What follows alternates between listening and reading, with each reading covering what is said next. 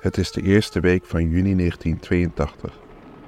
Te midden van de oorverdovende knallen en sirenes zoekt mijn oom Khaled met zijn buurtgenoten naar dekking in de Libanese hoofdstad Beirut. Dit bombardement was het begin van de Israëlische invasie in Libanon.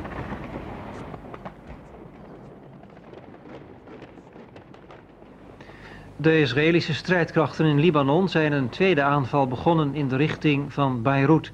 De eerste opmars langs de kust is de Libanese hoofdstad tot op 15 kilometer genaderd. Tien weken lang wordt Beirut gebombardeerd en belegerd. Mijn oom Khaled probeert te overleven en zoveel mogelijk mensenlevens te redden, terwijl de stad wordt afgesneden van elektriciteit, water en voedsel. Luchtalarm om twee uur s middags. Er zouden Israëlische vliegtuigen onderweg zijn. De mensen reageren er nauwelijks meer op. Hier heeft luchtalarm hetzelfde effect als de klakson van een auto.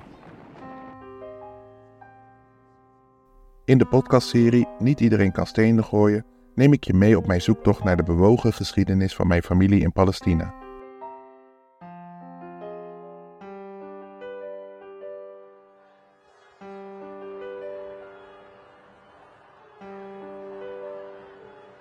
Het is juni 1982. Ik loop met mijn vader door de straten van Amsterdam.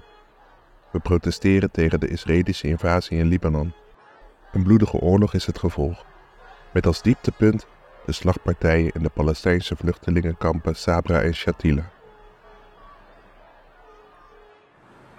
Als de, de massale verwoestingen die de Israëliërs met hun bombardementen hebben aangericht, de duizenden mensen die dakloos zijn geworden, de duizenden mensen die zijn verdood door die bombardementen, ik geloof ook vele duizenden mensen die uh, hebben moeten vluchten. Hier in de stad Beirut uh, zijn op sommige plaatsen 20.000 meer vluchtelingen dan er al waren. In de hele stad Beirut uh, meer dan 100.000. En datzelfde geldt nog veel sterker voor het zuidelijke gedeelte. Mensen worden op alle mogelijke soorten plaatsen ondergebracht. Kraken, leegstaande flats, trekken in hotels of zoals hier op het binnenterrein van een kantoorgedeelte. De nieuwe vluchtelingen van Libanon. Elke keer als we een fotograaf zien, kijken we naar de grond. Mijn vader is bang dat als we herkend worden, we niet meer op familiebezoek kunnen. Khaled is de jongste broer van mijn vader. Nadat mijn opa in 1968 was gedood door een luchtaanval van het Israëlische leger op de plaats Salt in Jordanië, kreeg Khaled als jongste de gelegenheid om in Roemenië geneeskunde te studeren. Mijn vader en zijn oudere broer werkten toen al in Nederland. Na zijn studie vertrok Khaled via Syrië naar Libanon. Daar werkte hij als arts en ontmoette hij zijn Libanese vrouw Amira. Toen Israëlische gevechtsvliegtuigen in juni 1982 Palestijnse locaties in de buurt van het vliegveld bombardeerden, woonde en werkte hij in de Libanese hoofdstad Beirut. Te midden van de oorverdovende knallen en sirenes die daarop volgden, zochten zij en hun buurtgenoten naar dekking.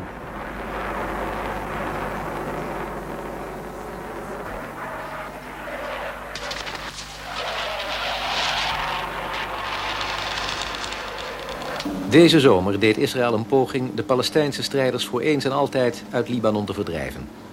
Het begint als de operatie Vrede voor Galilea en loopt uit op een totale oorlog voor Libanon. Een grote Israëlische invasiemacht trekt door Zuid-Libanon naar het noorden. De PLO moet zo ver mogelijk van de grenzen.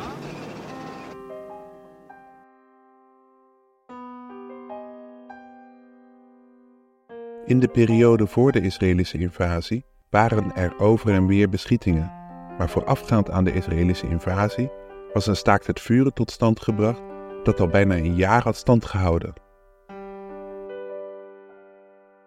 De spanningen waren al hoog in die tijd, omdat Israël in december 1981 besloot de Golanhoogvlakte te annexeren, een gebied dat het sinds 1967 militair had bezet.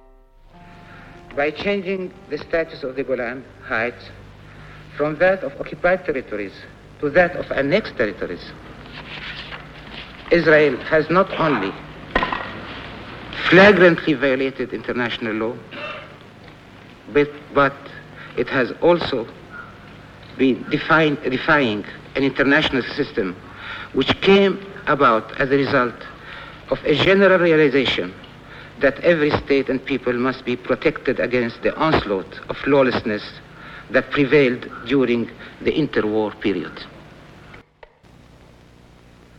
It is not the fate of the Golan that we are debating today.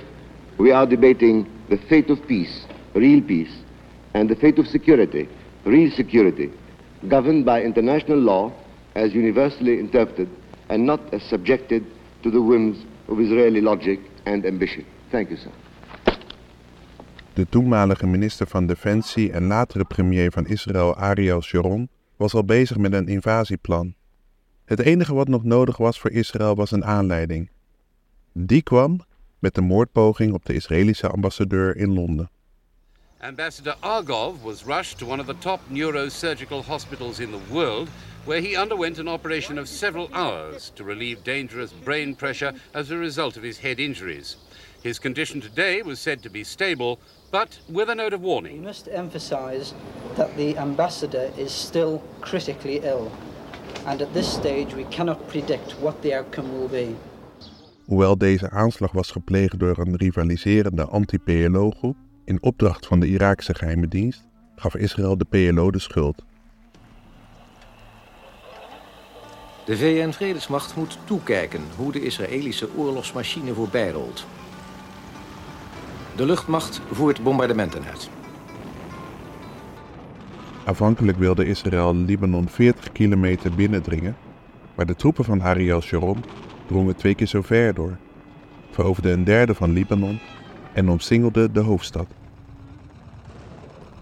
Lange kolonnes van tanks stormden langs vredeshandhavers de grens over. Onze ploeg kreeg gisteren na veel moeite toestemming om naar Nakura, het hoofdkwartier van Unifil in Libanon, te gaan.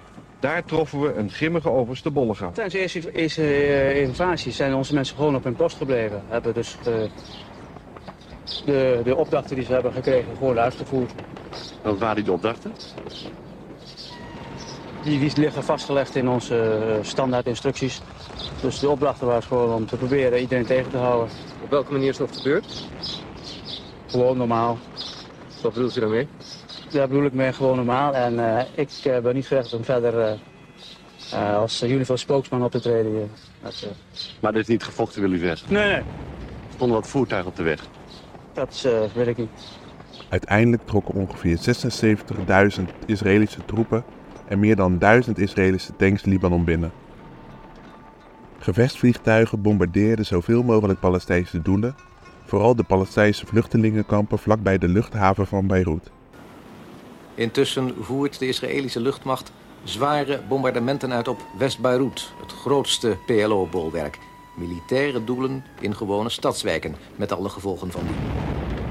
Al in de eerste week waren 500 gebouwen volledig verwoest. De blokkade van West-Beirut was begonnen. De invasiemacht, tienduizenden manschappen, rukt op tot de rand van Beirut. Het westelijk stadsdeel wordt omsingeld en vanuit het land de lucht en de zee beschoten. Duizenden burgers vluchten weg uit Beirut. Premier Begin beloofde de Amerikaanse president dat de invasie alleen gericht was om Palestijnen 25 kilometer terug te dringen. Hij beriep zich daarbij op zelfverdediging. Een van de Palestijnse wijken in Beirut. Luchtalarm om twee uur 's middags. Er zouden Israëlische vliegtuigen onderweg zijn. De mensen reageren er nauwelijks meer op. Hier heeft luchtalarm hetzelfde effect als de klakson van een auto. Beirut werd belegerd.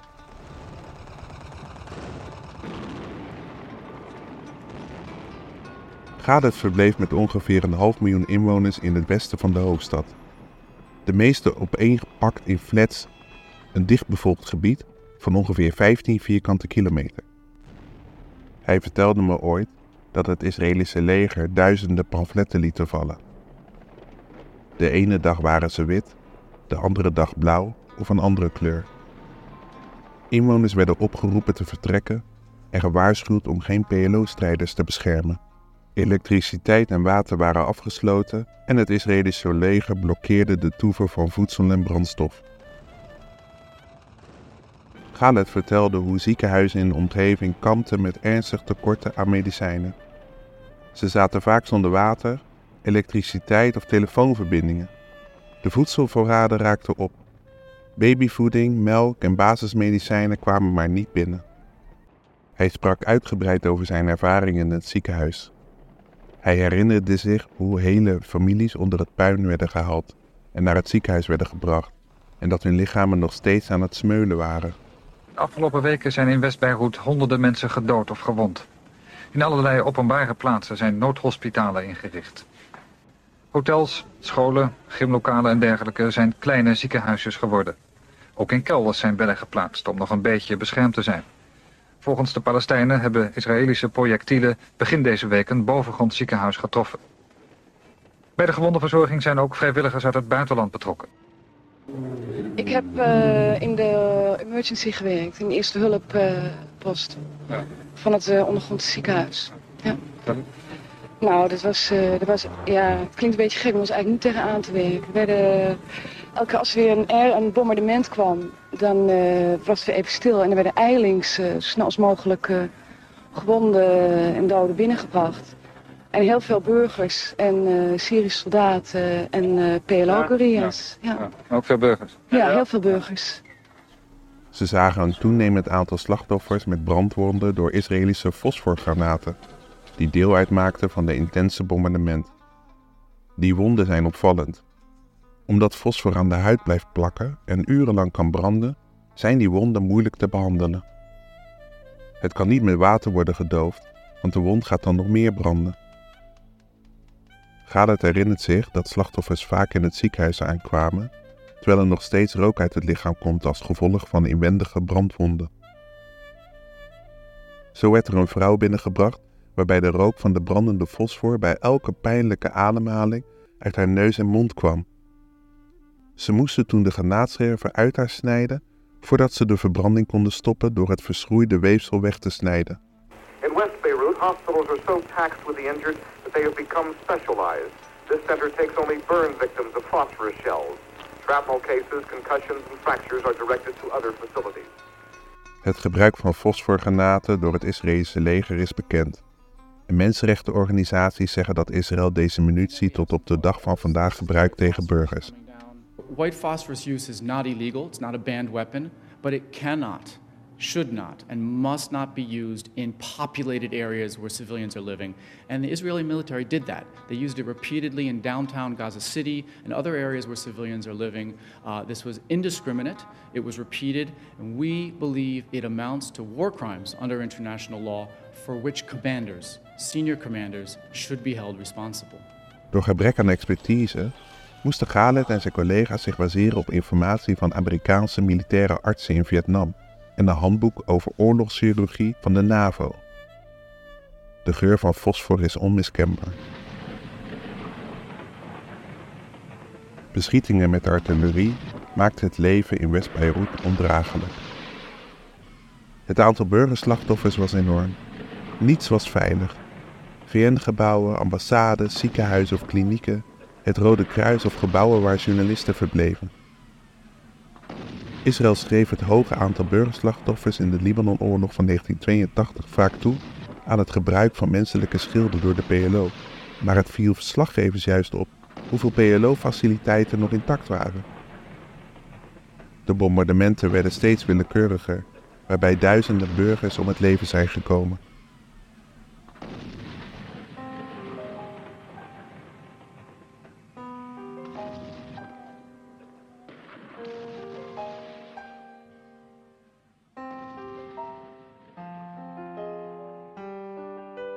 Het duurde een maand voordat de Amerikaanse president Reagan er bij Israël op aandrong om de blokkade van West-Beirut op te heffen en de water- en elektriciteitsvoorziening te herstellen.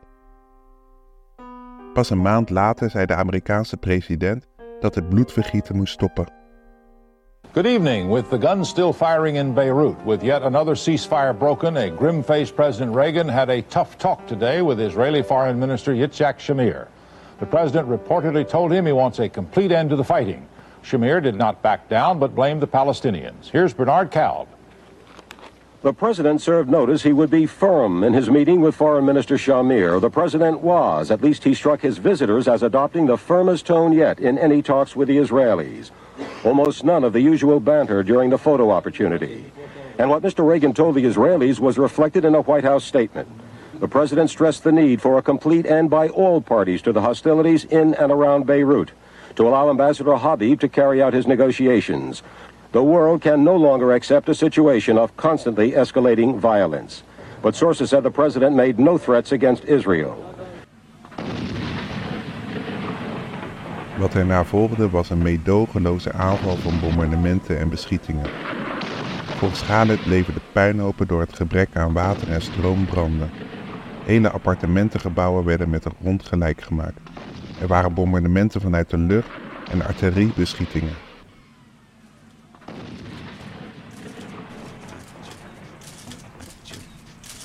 Mr. President, why didn't you take the kind of highly publicized public action to stop the bombing uh, in Beirut before you did yesterday? Perhaps hundreds of thousands, could, or thousands anyway, could have been saved. Why not be? Why not go public, no matter what you may have said in private, sir?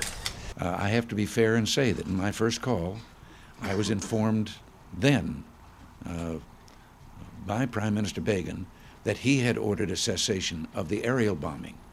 And so we discussed the artillery shelling from then Tien weken duurde het beleg van Beirut met tienduizenden Libanese en Palestijnse slachtoffers. Een kwart jonger dan 15 jaar. Het Palestijnse vluchtelingenkamp Ain al-Hilwe vlakbij Sidon, het grootste Palestijnse vluchtelingenkamp in Libanon, werd in zijn geheel verwoest. Mr. President, yesterday your spokesman said you were outraged by what had happened. Can you tell us a little bit about what happened in your phone call with the Prime Minister? Specifically, did you raise your voice and what was the tenor of the conversation? Well, this is something that I don't do. I, I won't comment on my communications, whether written or spoken, with uh, other heads of state. I, I don't think that's proper, so I, I won't do that. Yes. Mr. President, if you... Oh, there and then. De PLO was zwaar geraakt. Uiteindelijk kwamen Arafat en de belegerde PLO-leiding overeen om te evacueren. Yasser Arafat en driekwart van zijn strijders verlieten Libanon. Khaled weet nog hoe de PLO werd uitgezwaaid. Sommige strijders schoten in de lucht terwijl ze naar de haven gingen. 7000 Palestijnse guerrilla-strijders verlaten Beirut. Er was nu een multinationale troepenmacht van Franse, Italiaanse en Amerikaanse troepen. De PLO-strijders gaan naar kampen elders in de Arabische wereld. Yasser Arafat gaat als een van de laatsten weg. As you know, my agreement to include United States forces in a multinational force was essential for our success. In the days ahead, they and forces from France and Italy will be playing an important but carefully limited. Deze troepenmacht zou ook de veiligheid van Palestijnse vluchtelingen garanderen. Ze zou na de terugtrekking van de PLO op 1 september nog 30 dagen blijven. In no case will our troops stay longer than 30 days. Maar op 10 september gingen ze alweer weg. The U.S. Marines, all 800 of them, have now left Lebanon. They departed early this morning after serving as part of the International Peacekeeping Force to supervise the evacuation of the PLO. Een paar dagen later werd de Libanese president Bashir Jamal vermoord. Bashir Gemayel, the newly elected president of Lebanon, has been assassinated. Gemayel, the leader of the Christian Phalangists, died after a bomb exploded in his party's headquarters. Later bleek dat Syrië achter de aanslag zat. Voor de Israëlische invasiemacht reden genoeg om alsnog West-Beirut binnen te trekken. En omsingelde de wijk Sabra en het vluchtelingenkamp Shantila en verhinderde dat ook maar iemand het gebied kon verlaten. Israëlische troepen lieten vervolgens woedende falangisten, die de PLO de schuld gaf van de dood van Jamal, Sabra en Shatila binnen. Getuigenissen van de massamoorden beschrijven gruwelijke daden van slachting, verminking, verkrachting en massagraven. Beelden van de nasleep werden wereldwijd op televisie uitgezonden en veroorzaakten wereldwijde verontwaardiging. Twee volle dagen werden milities van falangisten binnengebracht terwijl het Israëlische leger de vluchtwegen bewaakte. Het moorden duurde 43 uur, van donderdag 16 september 6 uur in de avond tot zaterdagmiddag 18 september. De actieve steun van de Israëlische omsingeling van het gebied en het afvuren van lichtkogels waardoor de slachting s'nachts kon doorgaan, werd ook bevestigd door getuigenissen in de bekende animatiefilm Waltz with Bashir van de Israëlische Libanon-veteraan Ari Volman. מה עשו במעגלים האלה? מה אתם עשיתם? אנחנו עמדנו על גג וראינו שמיים מוארים. לגמרי. ממה הם היו מוארים? תאורות. תאורות שעזרו כנראה למה שקורה... Toen de film in première ging eind 2008, bombardeerden Israëlische gevechtsvliegtuigen de Gazastrook. The Golden Globe goes to. I still have a cold. It's not the other thing it used to be. Waltz with Bashir, Israel. Bashir is director Ari Holman. Terwijl Waltz wit Bashir in de prijzen viel, regende het ironisch genoeg witte fosfor in Gaza. En werden Palestijnen gebombardeerd in de dichtbevolkte steden en vluchtelingenkampen. Under attack, Israel's Air Force unleashes devastation on the Gaza Strip. On the ground in one of the world's most densely populated areas, it's a gruesome scene. Het bloedbad in Sabra Shatila laat de kwetsbaarheid zien van miljoenen Palestijnen. VN-militairen die in Libanon zijn gestationeerd staan machteloos. Ze moeten toezien op de wapenstilstand in het land, maar mogen niets doen. But you saw what happened, you? Saw about it? Well, it's very much the... القوات المتحدة It's ازاي؟ clearly, it's clearly a massacre up there. I mean, uh, is the United Nations going to do anything about that? it's not the only incident. well. There are several points where there are bodies lined up. There's bullet holes on the walls. Have you seen the other body? Have you seen the other bodies? You know, I, ca- I cannot talk to you. I would love to do it, but I cannot. You'll be reporting this, presumably, though, to your superiors. What will you be advising them to do about it? We are here simply as, as observers. I'm But sorry about that. What is the... De VN veroordeelde het bloedbad en een Israëlische onderzoekscommissie stelde vast dat Ariel Sharon persoonlijke verantwoordelijkheid droeg.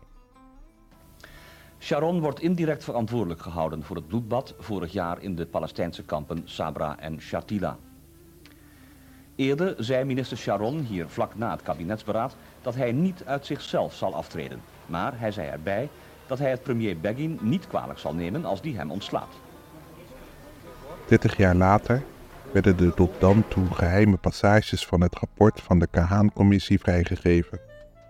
Documenten uit de Israëlische staatsarchieven toonden de weloverwogen en lang vaststaande besluiten van Ariel Sharon en anderen om de Famagisten de Palestijnse vluchtelingenkampen in te sturen, met als doel om de bevolking te vermoorden en te verdrijven. Benjamin Netanyahu was in die tijd de tweede man op de Israëlische ambassade in Washington. Uit dezelfde geopenbaarde archieven blijkt dat Israëlische diplomaten de Amerikaanse regering had misleid en had toen laten geloven dat 2000 terroristen in de kampen waren achtergebleven. Dit terwijl de bloedbanden plaatsvonden.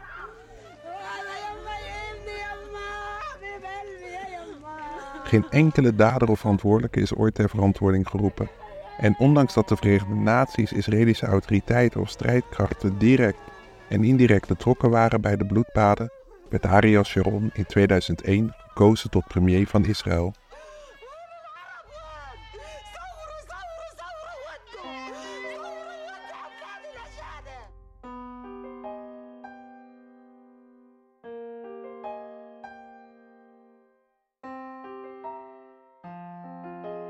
Khaled woont met zijn vrouw en kinderen nog steeds in Libanon.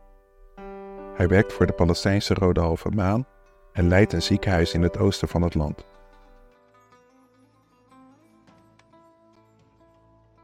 Op 16 februari 1984 verscheen in de London Review of Books een essay onder de titel Permission to Narrate. Het essay was geschreven door de bekende Palestijnse intellectueel Edward Said. In het essay beschrijft hij de manier waarop de Israëlische invasie in Libanon in Amerika en Europa werd beschreven en verdedigd. Well, I think I think to a large degree it is their fault. I mean, I, I have no doubt that it's the case that the Palestinians' fault is that they exist, and wherever they exist, whether they exist in former Palestine, now Israel occupied territories, Jordan, Syria, Lebanon, Egypt, and elsewhere, they are a reminder because they are extremely politically conscious. They are people who are simply not going to go back on their national demand, which is self determination, a, a, society in a place of their own.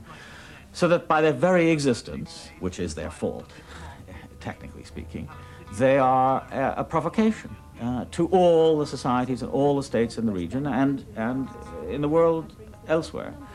Uh, who have tried to eliminate them or say that these people should be settled elsewhere. They should give up on this. Now, we now have Israel, we now have Lebanon, we now have Jordan. Let's not have another uh, state. So the stubborn resistance of the Palestinian to say, no, I, I mean, I'm, an, I'm the one who was driven off the land and dispossessed and dislocated. Uh, and just that very fact to say that you're a Palestinian today in Lebanon or elsewhere is really to incur the wrath of, uh, of, uh, um, of your host or whoever thinks of you as a, as a problem. Uh, and I think it's as simple as that. This is not a war to prevent Yasser Arafat or the PLO from establishing a base. This is a war to exterminate the Palestinian national identity. It's as simple as that. Hij beschrijft dat ondanks dat talloze officiële rapporten en onderzoeken waarin is aangetoond hoe Palestijnen systematisch zijn onderdrukt, ontheemd, vermoord en ontmenselijk, de feiten niet voor zichzelf spreken. In zijn essay verwijst Edward Said naar het onderzoek van de Internationale Commissie onder leiding van Nobelprijswinnaar en oud-voorzitter van Amnesty International, Sean McBride, waarin werd gekeken naar gerapporteerde Israëlische schendingen van het internationaal recht tijdens de invasie in Libanon. It is a rule of international law that weapons and methods of warfare which do not discriminate between combatants and civilians should never be used. The bombing of hospitals and civilian targets was outlawed. All these principles and standards have suddenly vanished. They are not even mentioned by those whose responsibility it is to uphold them. Deze commissie zegt dat Israël zich schuldig heeft gemaakt aan ernstige schendingen van het internationaal humanitair recht, zoals het willekeurig bombarderen van burgerdoelen, zoals scholen en ziekenhuizen, en het systematisch bombarderen van steden, dorpen en vluchtelingenkampen. En toch spreken deze feiten niet voor zichzelf. Volgens Edward Said worden Palestijnen voortdurend gevraagd deel te nemen aan de ontmanteling van hun eigen geschiedenis, aan het uitwissen van hun verhalen. Hij roept op om te vertellen en vast te leggen. Iets wat tot op de dag van vandaag hard nodig is.